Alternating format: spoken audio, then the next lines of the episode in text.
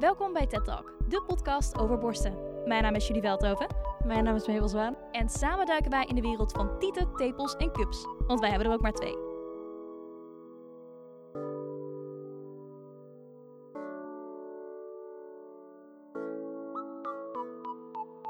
In deze aflevering gaan wij het hebben over mannen met borstgroei. Om daar met ons over te hebben is aangeschoven Jisk van der Veen. Welkom. En uh, stel jezelf en je borsten even voor.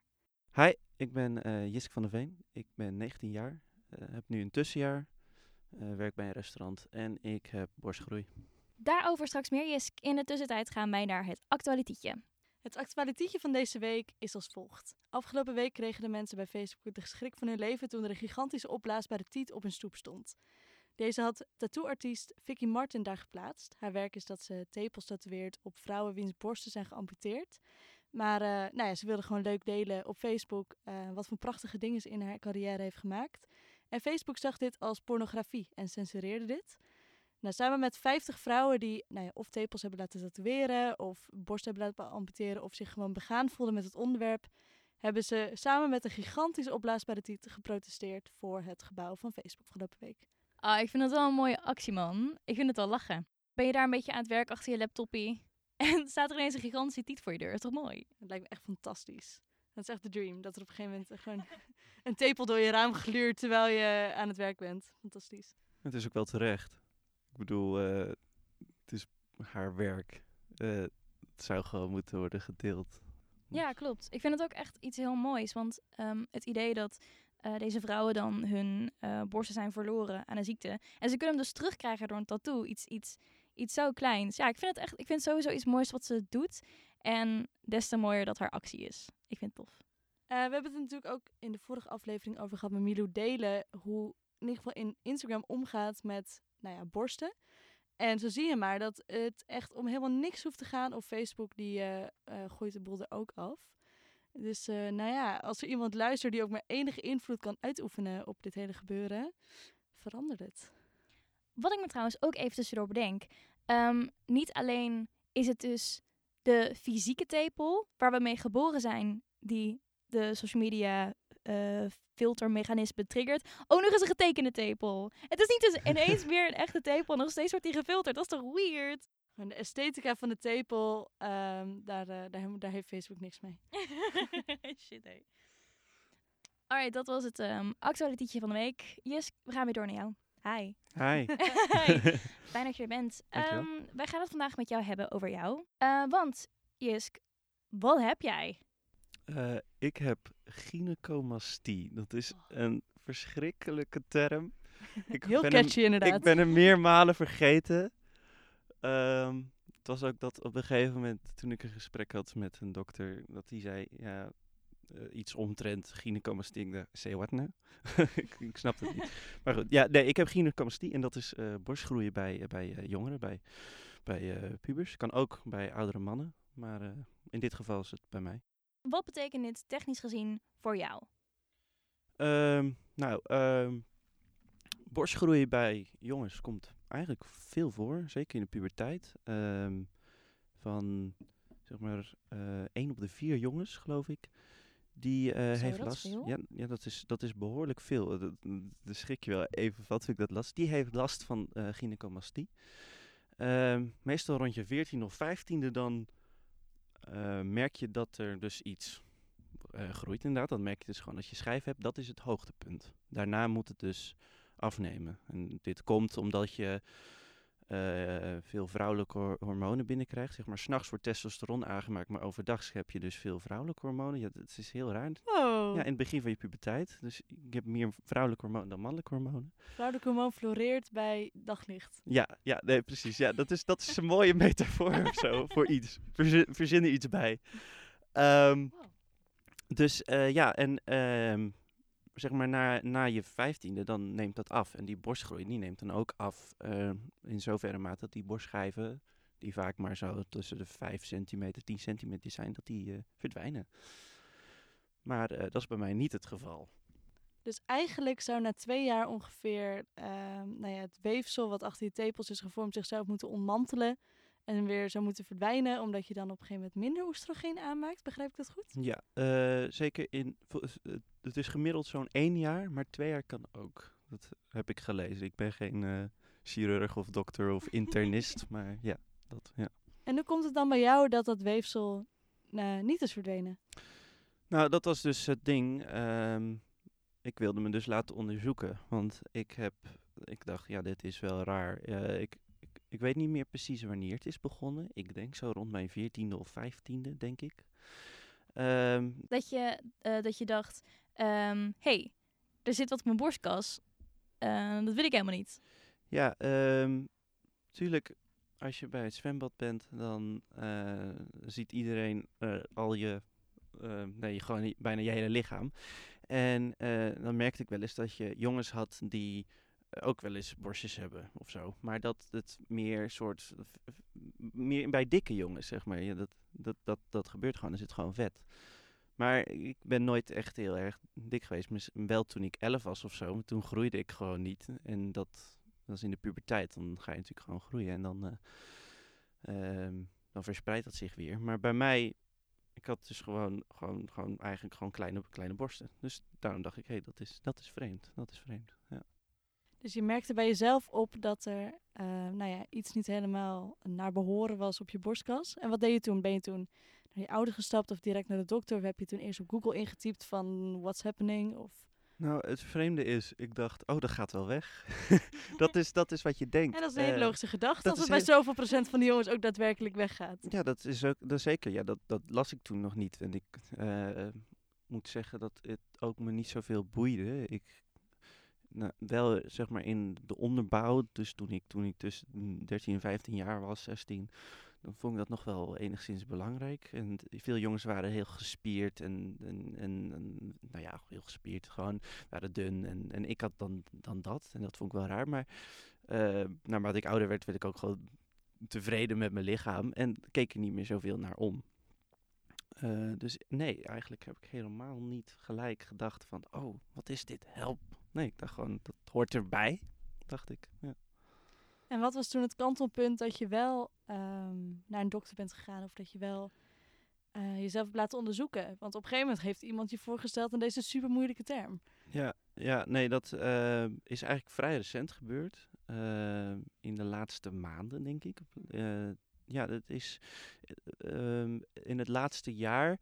Toen eh, merkte ik vooral rond de zomer en zo, dan droeg ik gestreepte shirts of zo. Of gewoon shirts. En dan zag je best wel duidelijk dat ik wel enige vorming heb. Het is, het is denk cup A of zo. Ja, ik heb daar helemaal geen verstand van. Maar dat, het, het is wel een, een, een, een, een, een fikse eh, eh, borst. Zo, meer rechts dan links. En, ehm, en toen was volgens mij mijn moeder die op een gegeven moment zei van... Ja, dit is toch raar dat je dat hebt. Ik dacht, ja, die hield me een beetje de spiegel. Ik dacht, ja, dat is, is ook eigenlijk best wel een beetje raar. En eh, toen begon ik eigenlijk een beetje naar, naar, naar beneden te kijken. En ik ging toch wel zitten, gewoon, eh, ik heb het gevoeld en ik dacht, nou, dit is eigenlijk niet, niet normaal. Het hoort niet bij jongens. Toen ik ook gewoon mijn leeftijdsgenoten zag die gewoon, weet je wel, zo'n, ge- geen borstvorming had, die gewoon strak getrokken lichaam hebben met, met twee tepels en dat is het. Nee, ik had dan altijd nog bijna gewoon kegelvormige tepel op mijn, eh, op mijn rechterborst. En eh, een schijf van 10 centimeter of zo. Ja, En wat is het precies of dat... vijf. Ja. Een en schijf van Ja, vijf. tien, ik vind 10 tien, tien is dit. Nee, dat is iets te, Nee, het is wel een schijf van 5. Een schijf van 5. Oké, dus als we, als we even naar het vruchtenschap kijken in de winkel. Als zeg maar de mijne meloenen zijn, wat zijn de jouwe? Mm, ik denk. Maar weer terug naar de schijf van vijf. Ja, ga weer terug naar de schijf van 5. een paar opgestapelde pannenkoeken misschien. nee, ik, ik, ik denk dat je het echt kan vergelijken met, met, met, met, eh, met fruit. Dat niet, maar Mhm. toch Pannenkoeken wel een klinken soort, logisch. ja, een soort van de opgestapelde pannenkoeken. ja, dat, dat, dat denk ik dat je het beste mee kan vergelijken. En dan vooral mijn, mijn eh, rechterborst. Ja. Want eh, wat is hetgene waar dan eh, de borst uit bestaat? Is het vocht? Is het, is het weefsel? Wat is Nee, het, het is bij echt een, een schijf. Het is echt een schijf. Net zoals dat, dat vrouwen hebben, heb ik een, een, een, een hard stuk onder mijn tepel, zeg maar. eh, wat, wat aardig groot is en ook gevoelig is. En, en dat is ook vooral het vervelende. Het is gevoelig. en dat, ja, ik ben een man, dat hoort niet. Dat, zo zo, zo eh, voel ik me daarin, zeg maar.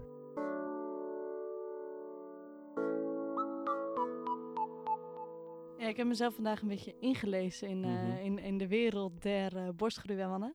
En toen kwam ik er ook achter dat eigenlijk iedereen met borstweefsel wordt geboren. Omdat er oestrogeen door iedereen's lichaam zwerft vanwege nou, je moeder. Mhm. Dat je natuurlijk ja. ja, in je moeder zit die vet veel oestrogeen aanmaakt dan helemaal ze zwanger is. Ja. Dus iedereen wordt ermee geboren, maar dat eigenlijk hoort dat bij iedereen weg te gaan. Ja. Maar bij sommigen kan het gewoon uh, pardoes weer terugkeren. Bijvoorbeeld in de puberteit, ook als je ouder bent.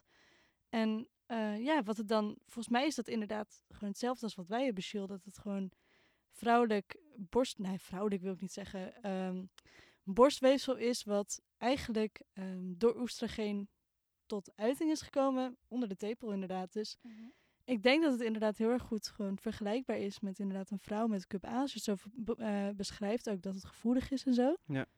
En hoe was dat, dat um, je opeens dat labeltje uh, opgespeld kreeg? Ja, um, eerst heel vreemd. Uh, ik, zal, ik zal een beetje gaandeweg vertellen van, van, van, vanaf zeg maar, het moment dat ik dacht ik moet naar de huisarts. Dus ik ging naar de huisarts met mijn moeder, want dat, dat, op een of andere manier voel je daar vertrouwd bij of zo. Mm nou ja. Um, het meest vertrouwd bij met dat soort zaken. En toen hebben we een beetje de klachten uitgelegd. Van nou ja, wat het dus is. Nou, dat is, heeft daar even naar gekeken. En toen heeft hij gezegd, ja, dat is gewoon, gewoon gynecomastie. Uh, ik ben 19 jaar. Um, dat hoort weg te zijn. Dus dat is raar dat het blijft en misschien eventueel ook wel groeit. Dus toen uh, ben ik doorverwezen naar een internist. En daar um, um, ben ik helemaal onderzocht uh, of ik geen balkanker heb, of ik geen bepaalde aandoeningen heb die misschien wel genetisch zijn overgedragen, misschien niet, um, of ik geen rare hormonale ziektes heb. Ik heb zelfs een echo gehad. Het was ook een hele vreemde ervaring om als jongen een echo te krijgen bij... Was dat de mammografie? Dat ja. Je, ah, ja. Oh mijn ja, god, het blijft altijd terugkomen. Ja, nee, ja. De mammografie. Het, het is echt een van de meest rare dingen dat jij als man naar een, uh, eigenlijk een afdeling komt waar voornamelijk vrouwen komen. Mm. En dat jij dan daar, daar zit in die wachtkamer en daar zitten dan mannen met vrouwen. Maar de mannen die komen altijd dan de vrouw supporten. En dit keer was het omdat ik dan, omdat mijn moeder dan meeging, was het dat mijn moeder mij uh, dan naast mij zat. Het was een heel, heel, hele surrealistische ervaring dat dan de heer J. van der Veen werd opgeroepen. en dat ik dan opstond en dacht, hi guys, um, ik krijg een echo. Dus dat was heel grappig. Ah, ik had in die wachtkamer willen zitten. Dan ziet iedereen jou met je moeder zitten en denkt, oh, wat een goede zoon. Wat goed dat hij met zijn moeder meegaat. Hij gaat waarschijnlijk door een super moeilijke tijd. Dat het aan jouw naam wordt opgeroepen. ik had daarbij willen zijn. Ja, dat is heel, het was heel grappig. Want er zitten dan echt van die mannen die dan wel wachten in de wachtkamer en hun vrouw supporten, maar niet meegaan in het, weet je, echt van die, van die mannen-mannen.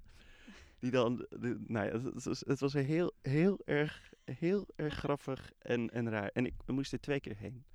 Want na die echo uh, is er dus vastgesteld dat er bij mij geen rare, dat het, dat zeg maar de borstgroei, dat dat geen gezwel was. Dat ik geen kanker heb, dat ik geen rare ziektes heb. Dat is allemaal uitgesloten. Dus daar was ik enigszins wel blij mee. Maar ja, uh, het was ook niet de verwachting dat ik hormonale ziektes heb, want ik heb gewoon inhammen en, uh, en zo'n vies snorretje om mijn bovenlip. en die ik af en toe wel eens afscheer, maar nu is het no shave november. maar maar uh, nee. Staat je hoor, het staat Ja, dank, dankjewel, dankjewel.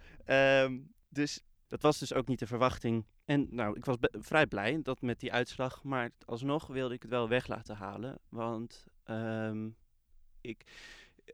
Het is niet dat, het, dat ik ik, kijk, ik ben trots op mijn lichaam, want zo ben ik maar eenmaal. Maar alsnog wil ik het weg hebben, want het, het hoort niet of zo. Ja, dat is uh, op de een of andere manier uh, voel ik me er niet prettig bij. Zeker omdat de laatste tijd wel vrienden wel eens het hebben opgemerkt. En dat is allemaal leuk en dan hahaha, grappig. Want dan denken ze dat het vet is. Maar ik, ik vind het niet mooi, want ik kan er ook niks tegen doen. Er is maar één behandeling mogelijk en dat is het, het, het operatief, operatief weg te laten halen. Um, ja, ik, ik, ik snap het wel hoor. Want um, als het niet past in jouw zelfbeeld van wie jij bent en het is iets waar je niks aan kan veranderen, dan, moet het, dan heb jij het volle recht om daar iets aan te doen natuurlijk. Ehm, waar transpersonen een beeld van zichzelf hebben en die niet klopt met de buitenwereld en het recht hebben om daar iets aan te doen. Al is natuurlijk een ander verhaal, daar niet van. Mhm. Eh, heb jij ook het alle recht om eh, jouw lichaam te laten passen bij jouw zelfbeeld. Ja. Dus ik snap wel waar je vandaan komt. En als je dat vertelt van jouw vrienden die dan daar een grapje over maken, eh, wat zeggen ze dan en wat, wat doet dat dan met jou? Nou, ehm, ik, het zijn van die beetje, ja, soms een beetje of onderhuidse grapjes. eh, Eh, onderhuid. Ja, maar dat was echt heel slecht. nee, eh ja, onderhuid. voor Julie. Onderhuid.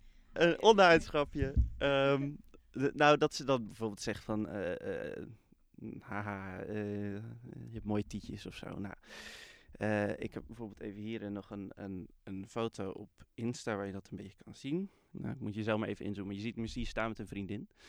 En dan kan je ook wel Ah, aardig ja. zien dat er... Ja. Je staat een beetje gekanteld, dus Ja. dan zie je echt zo aan de linkerkant van eh, je lichaam dat er inderdaad ja, een zwelling is en dat Ja. er echt een, eh, een borstje is. Ja.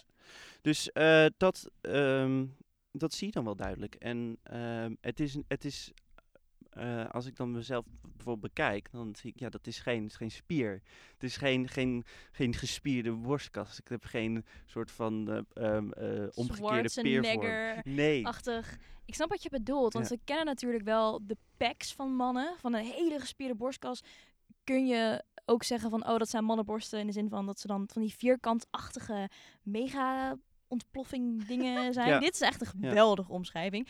Ehm, maar dit is inderdaad meer een... een Een kegeltje. eh, ja, een kegeltje. Het feesthoedje, zoals je ook wel eens noemt, zeg maar. Aan, de, aan het begin van een meisje de puberteit of zo, weet je wel. Ziet ze er ook zo uit. Ja. Ja. Dus ik snap wel dat dat iets kan doen met je, met je zelfbeeld.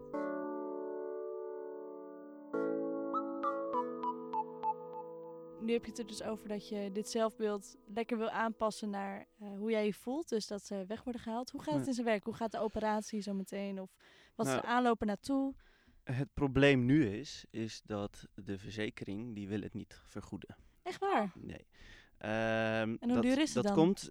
ehm, er, is, eh, er zijn veel gynaecologistie aanvragen om dat operatief te laten verwijderen. Ik heb dus ook weer even een voorbeeld van, ehm, van de brief. Het is ook niet heel gek als je nagaat dat het 50% van de tieners en wat was het, Ja. 75% van de oudere mannen Ja. eh, dit hebben? Ja. Ja. Aanvragen om uh, gynaecologistie, dus borstgroei, eh, die borstschijven operatief te laten verwijderen, die worden dus automatisch afgewezen door de verzekeringsmaatschappijen. Eh, daarom moet je dus altijd een bezwaar doen. En ik zit dus nu nog midden in dat proces eh, van bezwaar doen. En ik zal even eh, voorlezen van die brief die de van de verzekering kreeg. eh, van de drie redenen waarom ze het niet eh, hebben ehm, geaccepteerd, de, de aanvraag om te vergoeden. Eh, ik moet langer dan 12 maanden klierweefsel hebben, die veel pijn doet of Check. zichtbaar vrouwelijk is. Nou ja, het doet aardig pijn als iemand er even tegenaan stoot of ik lig verkeerd of wat dan ook. En ik vind het zelf aardig vrouwelijk. Het is geen, ik ben niet eh, eh, dik, dus het, je kan niet zeggen dat het vet Mhm. is. Of, en het is ook geen gespierde massa. Geen Schwarzenegger, Schwarzenegger spier. Vierkante ontploffing. Ja, precies. Eh, uw BMI-index minder is dan 30. En BMI is de verhouding tussen uw gewicht en lengte. Maar dat is minder dan 30. Dus Mhm. dat slaat ook helemaal nergens op. En dan het derde punt. Andere behandelingen niet genoeg resultaat hebben gehad. Nou, die is al helemaal absurd. Wat zijn de andere behandelingen? Dat, die zijn er dus niet. Eh, ja, Nou. tenzij je een soort van eh, waarzegger, geloofsreligie... Iemand die een soort van magisch poeder op je borsten ja. strooit. Ja, dat ik word gezegend in de kracht van het heilige spaghetti monster. Maar nee, nee. Dat dus- is, dat dus- is de derde reden? nee, ja, bizar. Ja, het is, dus ehm, het is ook wel leuk. De foto van deze brief is echt in rood aangekrast van nee, dit klopt niet, nee, dit klopt niet. Om dat allemaal eh, aan te vragen. Maar voor de rest voldoe jij aan de, aan de checks, aan de punten. Ja, dus dat, dat, dus dat slaat nergens op. Dus wij hebben dus een vrij boze eh, brief geschreven. ehm, die, eh, waarin al die drie punten worden weerlegd. En waarin ik ook omschrijf dat dat ehm, toch wel enigszins mijn eh, psychische gesteldheid zeg maar, wel aantast. Dat ik dit heb. Want ik, ik heb niet alleen eh, dit, ik, wil niet zielig gaan lopen doen, maar het is het totaalplaatje. Ik, ik heb niet alleen dan die borstgroei, ik heb ook een litteken van ehm, een blinde darmontsteking van toen ik drie was, die eh, zeker wel 15 centimeter groot is. Eh, van mijn navel tot aan eh, zeg maar het begin van mijn, van mijn penis. En ik heb ook nog een, ehm, eh, een kaal plekje hier op mijn hoofd, op mijn achterhoofd. Dat is ontstaan omdat ik een stukje huid was niet aangemaakt toen ik klein was. Dat is eh geheeld, dus dat zou een litteken moeten zijn. Maar als kleinkind heb ik dat heel erg leuk opgekrapt. Eigen schuld, dikke bultjes. Oh. nee, maar daardoor is dat dus ook een plekje. Dus, dus dan heb je een soort van, ja, dat in zo'n totaalplaatje, dat, dan heb ik gewoon liever dat dan die borsten Ja, gewoon weg zijn. Je Omdat hebt ik daar wat je kan hebt doen. één ding wat je inderdaad kunt veranderen Ja. aan, de, aan de drie dingetjes waar je onzeker van wordt. Al moet ik wel zeggen dat eh, dat litteken, dat heb ik al mijn hele leven. En dat, ehm, ja, natuurlijk, toen ik klein was, vond ik het wel eens raar dat mensen gingen kijken en zeggen: Ah, je hebt een litteken op je buik. Maar nu durven ze dat niet meer te zeggen, omdat, ik, omdat dat kleine kinderen zijn die dat zeggen. dus, dus, dus, dus dat durven ze niet meer. Ehm, en dat kale plekje, dat vergeet ik soms dat ik dat heb. Maar ehm, ik, als ik er soms eens over nadenk, van wat zou een buitenstaander, ja, iemand die ik niet ken, wat zou die, die- mensen die judgen, die hebben altijd vooroordelen. En dan denk ik toch wel eens van, oh, wat, wat, wat, wat zou je nu van bedenken of zo? Ja, dat, zou, dat vind ik nog wel eens lastig. En daarom denk ik, dit is het enige wat ik kan doen. Dus dan wil ik dat ook graag, graag doen.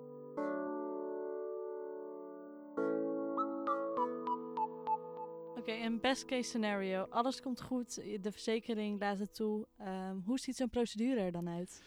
Eh, ik heb een kleine voorlichting gehad eh, van, eh, van, van de chirurg. En hij zei dan dat die, die borsten worden dan, die schijven aan beide kanten, rechts is wel groter, maar alsnog worden ze dan beide kanten verwijderd.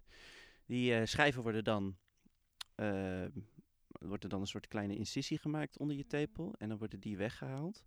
En dan wordt dat weer, weer dichtgemaakt. En ik, ik weet niet helemaal Zeker, ik denk het wel. Dat ze dat wel esthetisch weer een beetje aanpassen. Dat het wel een beetje mooi uitziet. Maar er is wel een holte ontstaan. En dat brengt ook nog risicofactoren met zich mee. Want dat kan er ook voor zorgen dat je ontstekingen krijgt. Want er zit een holte eh, tussen je ruimte. En, en daar kan je weer ook weer hele lastige. Kom je wel weer in een heel lastig pakket eh, terecht, zeg maar. Wat, wat er weer voor kan zorgen dat je mm, weer een hele procedure af moet gaan om dat weer te laten helen. Maar dat is een worst case scenario, zeg maar.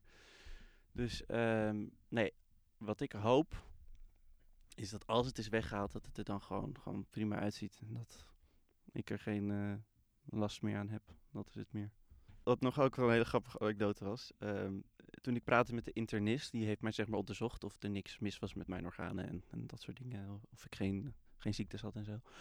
Ehm, die zei van ja, en dan, eh, nou nu, ik hoop je niet meer te zien, zei ze. Want dan betekende dat ik geen, geen, geen ziektes meer heb. En toen zei ze ook al, eh, nou en nu eh, eh, kan je het operatief laten verwijderen. En eh, volgens mij kan dat bij de plastisch chirurg. En toen was ik echt zo van, wat? De plastisch chirurg? Ik, dat heb ik altijd al gewild. Ik heb altijd al in mijn leven kunnen willen zeggen dat ik naar de plastisch chirurg ben geweest. Dat is hartstikke leuk. maar uiteindelijk was het dus gewoon een normale chirurg. eh wordt dat. Maar ik dacht, Helaas nee, jammer. pindakaas. Helaas pindakaas. Ik dacht, dat kan ik ook weer van mijn bucketlist afhalen. Maar, maar nee, nee. Moet, moet, moet maar op zich wachten. Mocht ik ooit eh, naar de plastisch chirurg wil ik denk het niet. Maar Maar ik zat net eventjes te denken, want eh, nou, er is een super groot aantal mannen en jongens die hier eigenlijk last van zouden moeten hebben. Heb je ooit iemand anders ontmoet? nee, helemaal niemand. Ehm, eh, behalve dan mijn oom. Ja, dat is ook wel grappig. De, de, ehm, nou, grappig, helemaal niet leuk eigenlijk. De- Er rust een soort taboe op. eigenlijk. Het is niet mannelijk. Eh, het, het is. K- iedere jongen. Er, is ook best wel grote on- onzekerheid onder jongens. Dat, dat, maar dat merk je niet omdat iedereen zo super stoer doet. Weet je wel. Dus er is een grote onzekerheid. En, ehm, dus het is niet mannelijk. Dus je hoort er niet veel mensen over. Eh, en alsnog rust een soort taboe op in onze prachtige 21ste eeuw. Maar mijn oom, ehm, die eh, heeft dat ook gehad toen hij eh, een, een, een, een jongen was van mijn moeders kant. En ehm, die heeft die, toen was hij 17 geloof ik, en die heeft het toen ook operatief laten verwijderen. Maar het grappige was, doordat ik het heb, kwam dit ter sprake in de familie. En toen zei hij dat hij dat had gehad. Nou, mijn, eh, zijn zussen, dus mijn moeder en, mijn tante en zo, die, die reageerden verbaasd, want die dachten, hè, ik, ik heb nooit geweten. Ja, daar werd gewoon niet over gesproken. En dat is eigenlijk nog steeds wel zo. Eh, ik heb er nog nooit eigenlijk iemand over gehoord of het opgemerkt of zo. Eh, ik heb altijd in de jongenskleedkamer, vond ik eh, het altijd ook heel lastig voor mezelf om, om daar te staan. Kijk, toen ik in mijn laatste twee jaar van mijn VWO, toen had ik daar scheid aan. Maar eh, zeker in de bovenbouw HAVO en onderbouw VWO vond ik dat echt verschrikkelijk. Om, om, om eh, je zo bloot te stellen. En ik denk dat vast meerdere jongens zo, zo, zo denken. Want het is niet mannelijk. Het, is, het ziet er vreemd uit. Dat je dik bent of zo. eh, dat, er zit natuurlijk ook een soort... hè, Als je, als je echt een man, man bent, een man ehm, wil zijn, nou, zeker op zo'n jonge leeftijd, dan wil je groot zijn, gespierd, eh, hè, stoer, eh, heel lekker eh, zoveel vriendinnetjes hebben of zo. Nou, wordt natuurlijk allemaal heel stoer gepraat bij de kleedkamer, maar dat is voor jongens zoals ik super lastig, omdat je niet, eh, ik- omdat je dat niet hebt of zo, ja. Wat ook wel grappig is als je het hebt over de mannelijkste mannen, brede mannen, veel vriendinnetjes, stoere mannen, is dat ik associeer al die termen met eh, van die brede gasten in de sportschool, die dan waarschijnlijk aan de steroïden zitten. En ik heb dus vandaag gelezen dat je van steroïden Ja. ook ehm, borstgroei kunt krijgen Dat als een man. Vanwege alle, alle shizzle die daarin zit, kun je dat er ook mee krijgen. Dus ehm, dat het eigenlijk, ja, en volgens mij ook via bepaalde drugs en Ja. via bepaalde canna- medicatie. cannabis bijvoorbeeld. Precies, Eh, dus eh, het eh, he- heel erg roken, drinken. Ja, Ja. ja Ik kijk even naar de producer. Ja. met een biertje in de hand, ja. aansteken uit zijn borststak. Ik heb eh, er uit net ook borstzak. eentje op. Ik heb er net ook eentje op. eh, I'm guilty. Dus de oorzaak. Ja, maar in ieder geval, het heeft zoveel oorzaak. Het is niet alleen Nee. maar een soort van genetisch toeval dat je wat meer est- oestrogeen door je lichaam hebt Nee. zwerven. Het kan ook externe factoren betreffen. Dus er zullen ook heel veel van die extreem mannelijke, stoere mannen zijn Ja. die dit misschien ook hebben. Dus dat, ja, dat, ja, ik vind het heel opvallend eigenlijk ehm, hoe breed het is en wat voor een taboe er inderdaad op rust dat ik hier nog nooit eerder echt wat over heb gehoord. Het is zo toevallig. Ik wilde eigenlijk net precies hetzelfde gaan aankaarten. Ik heb ook precies dit gelezen vandaag. Dus dat er nog meer factoren zijn die er kunnen leiden tot mannelijke borstgroei. Ehm, en de, dan klinkt het alsof er toch nog veel te weinig dus over gesproken wordt. Ehm, jij wist niet eens van je oom dat het zo was totdat je er zelf over begon. Ehm, des te toffer is dat jij hier zit om je verhaal te doen. Is het dan ook iets voor jou om een soort van stigma te willen doorbreken met dit verhaal? Ja, ik denk het wel dat ik dat zo zie. Eh, toen ik het hoorde dat, dat jullie eh, naar, zochten. Toen, toen dacht ik, ja, eh, waarom ook niet? Het gebeurt nu dat ik in dit traject zit. Ik ben 19 jaar, ik, ik geef geen fuck om wat anderen van me denken. Soms, soms wel, Woe! soms niet. Soms, maar, maar, eh, dus ik denk, ja, ik, dit, dit is een soort taboe nog steeds. Eh, nou, ik hoop dat ik dat hiermee wel een beetje doorbreek. Wat mooi. Als jij als 15-jarige Jisk eh, dit verhaal had gehoord van iemand anders, niet per se in een borstenpodcast, want ik weet niet of 15-jarige jongens doorgaans ons publiek zijn, maar ehm, Hey, who knows? nou, vandaag. en misschien ergens voorbij zien komen of horen komen, dat je misschien snel die associatie had gemaakt met je eigen borst, wat er misschien was. Of ehm, dat je of je er minder, voor, eh, minder mee zat, misschien zelfs. Ik denk het wel. Want ik, ehm, als ik er nu zo over nadenk, dat ik vroeger echt wel gewoon dacht dat het gewoon echt vet was. Omdat ik, ja, ik, eh, ik hield nooit van sporten. Ik had eh, vroeger ehm, ook wel last van inspanningsastma, dus dan had ik er sowieso al geen zin in. En ik vond andere dingen gewoon veel leuker, zoals muziek maken en lekker spelen met de Lego en gamen. Want ja, dat doen ook heel veel jongens. Eh, vrouwen ook trouwens. Eh, maar als ik dus inderdaad had gehoord dat dat een ding was, dan had ik veel eerder aan de, aan de bel getrokken en meer eh, gedacht van, oh, dus hier kan ik niks aan doen, zeg maar. Eh, dit is een, iets wat, ehm, waar, ik, wa- waar, ik, ja, waar ik niks tegen kan doen. Iets, iets capybara. Het is iets wat ik, waar ik niks tegen kan doen. En dan had ik gerealiseerd van, oh, dus, dus ehm, ik had er dan veel meer op mijn gemak mee gevoeld. Veel meer eh, tevreden, denk ik, met mezelf. En dan waarschijnlijk ook als eh, veel eerder er wat aan gedaan. Als ik misschien 17 of 18 was eh, dan nu. Maar goed, ja. Ik denk dat dat veel eerder dan een, een realisatie was. En dat ik misschien veel eerder dan ook ehm, eh, blij was met, met, met, met, met mijn lichaam, zeg maar. Ja. Laten we hopen dat jouw boodschap deze tien jongens kan bereiken. Jisk, enorm bedankt voor je openheid. We hebben genoten van je verhaal. Ehm, en ook heel veel succes met de operatie en de toekomst voor jou. Dankjewel. Ik hou jullie de op aanloop naar de operatie. Ik hoop dat dat eh, allemaal goed komt. Ja, we Ja. gaan wel voor je route Ja. hoor. Zeker. Als we een eh, protestmars voor je moeten organiseren, roep maar. Nice.